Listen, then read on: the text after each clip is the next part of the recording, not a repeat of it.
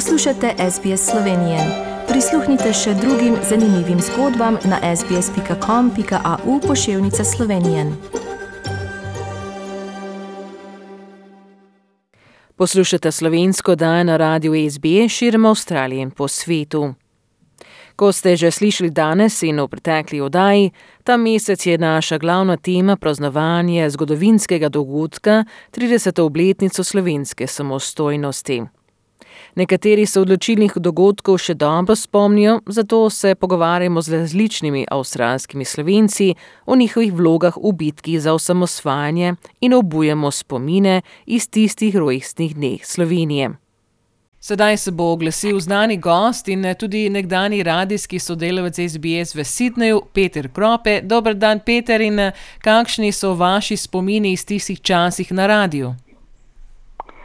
Dober dan in eh, lep pozdrav tebi, Tanja, in poslušalcem slovenskega radia na radio SBS. Ja, spomini 30 let nazaj že malo bledijo, so pa med njimi takšni, ki ne morejo v pozabo. Spomnim se, da je bila takrat slovenska radijska oddaja poslušana kot če nikoli poprej. Zanimanja, kaj se dogaja v Sloveniji v tistih časih, je bilo veliko, kot skrbi, kaj se bo zgodilo s Slovenijo in domačimi, če bi Slovenija bila okupirana s takrat jugoslovansko armado, ki je bila v tistih časih sedma najmočnejša na svetu. Poročila direktno iz Slovenije so bila skopa in težko jih je bilo dobiti. Takrat še ni bilo interneta in drugih povezav, kot je to naprimer danes. Največ novic smo dobivali od drugih tiskovnih agencij iz Evrope in drugod po svetu.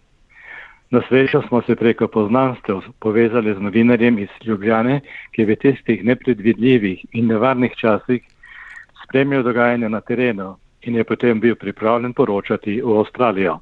Kar pa je bilo povezano z nemogočo telefonsko povezavo, ki je takrat potekala preko centrale v Beogradu, ki je s vsemi mogočimi prijemi hotela zavirati vsakešna poročila, ki bi prikazala realno ali resnično stanje o dogodkih in represiji Jugoslovanske narodne armije na terenu. Spomnim se, da sem po več ur presedel pred telefonom v studiu za pičlih 10 do 15 minut poročil, ki so jih poslušalci težko do odaje pričakovali. Kako so nam nagajali? Moram povedati, da so bili zelo kreativni.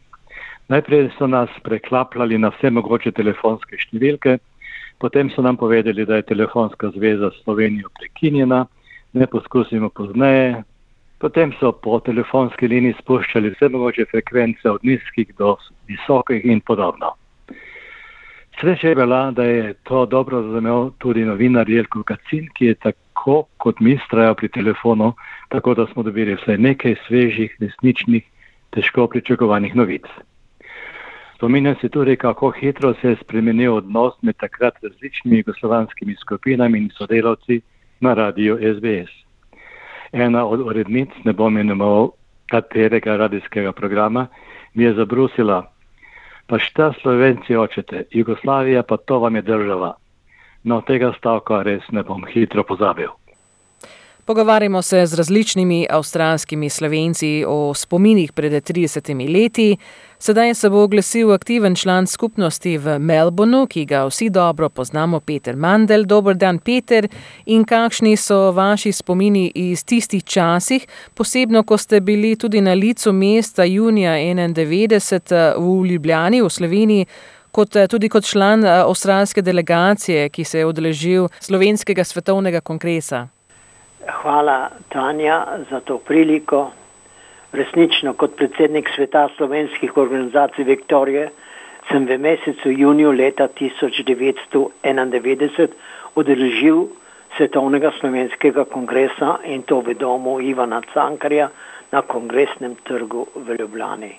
To je bil zgodovinski dogodek z namenom, da poveže slovence širom sveta ob času osamosvajanja Slovenije in mednarodnega priznanja svobodne Slovenije ko sem 29. junija potoval na avtocesti iz Postojne proti Ljubljani, da se udeležim na nadaljevanju svetovnega kongresa, ko pridem do izvoza Ljubljana center, slišim streljanje in strani vrhnike. In vidim, da je izvoz za Ljubljano center blokiran s tovornaki in pod kontrolo slovenske teritorijalne vojske. Po pregledu mojih dokumentov in ugotovitev članstva kongresa sem bil spremstvom dovoljen do centra Ljubljane. V domu Ivana Cankarja sem bil veščen, da je kongres končal in da so mnogi udeleženci že odpotovali iz Slovenije zaradi osebne varnosti. Na kar sem se udeležil novinarske seje v samem domu Ivana Cankarja, na katerem bil prisoten tudi gospod Janez Janša, ki je podajal poročila o razvoju in poteku vojne ter takratnega stališča za samostojno Slovenijo. Sveda ostalo je zgodovina. Bodimo ponosni na našo ljubo domovino Slovenijo in na vse tiste, ki so to tudi omogočili. Praznujmo s ponosom 30. obletnico neodvisne Slovenije. In Bog blagoslovi našo domovino Slovenijo in slovenski narod. Pogovarjamo se z različnimi avstralskimi slovenci o spominih pred 30 leti. Sedaj se bo oglasila zelo aktivna članica naše skupnosti v Sydneyju, Marta Magajna, takratna podpredsednica Slovenskega narodnega sveta za New South Wales. Dobro dan, Marta, in kakšni so vaši spomini iz tistih časov samosvajanja? Zelo mešani bi rekla. Takoj od vsega začetka sem bila prav prestrašena, zaradi tega, ker kot otrok sem šla že skozi eno vojno in sem se bala, da bomo spet v kakšno vojno padli. Potem, ko, ko je bilo povedano, da se, da se je Slovenija odločuje v tem času za ne, neodvisnost. Počasi, ko smo izvedeli bolj podrobnosti, meni se zdi, smo se mi tudi takrat odločili. In Veš, zgodil se je čudež, se meni zdi. Zaradi tega, ker so vsi Slovenci v Avstraliji stopili skupaj, kar je res nekaj čudežnega. Takrat smo se zbrali v klubu Triglav na ustanovni konferenci uh, Slovenskega narodnega sveta in uh, je bilo prav prijetno videti ljudi iz vseh strani, iz vseh koncev, ki so prišli vsi z istim namenom in za isto voljo, da bomo pomagali po, po svojih močeh, da bi se Slovenija osamosvojila in uh, res smo pomagali.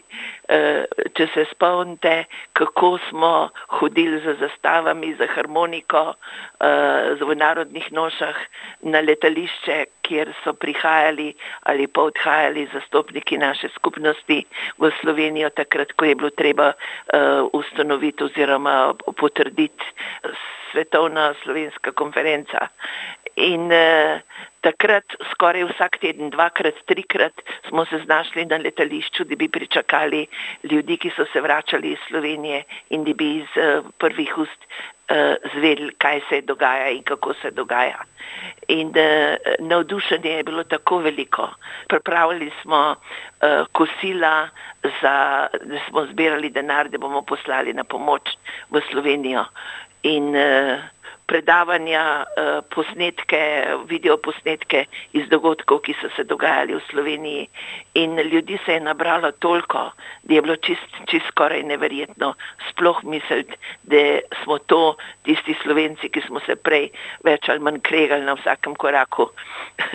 In eh, Veš, kaj se mi pa zdi še najlepše, tudi to, da sedaj po 30 letih, ko se pripravljamo na proslavo 30. obletnice naše eh, neodvisnosti, da smo spet skupaj in spet sodelujemo in se pripravljamo, da bomo to našo uh, ljubo domovino, neodvisno domovino pozdravili in proslavili. Želite slišati sorodne zgodbe? Prisluhnite jim preko Apple ali Google podcasta, preko aplikacije Spotify ali kjerkoli drugje.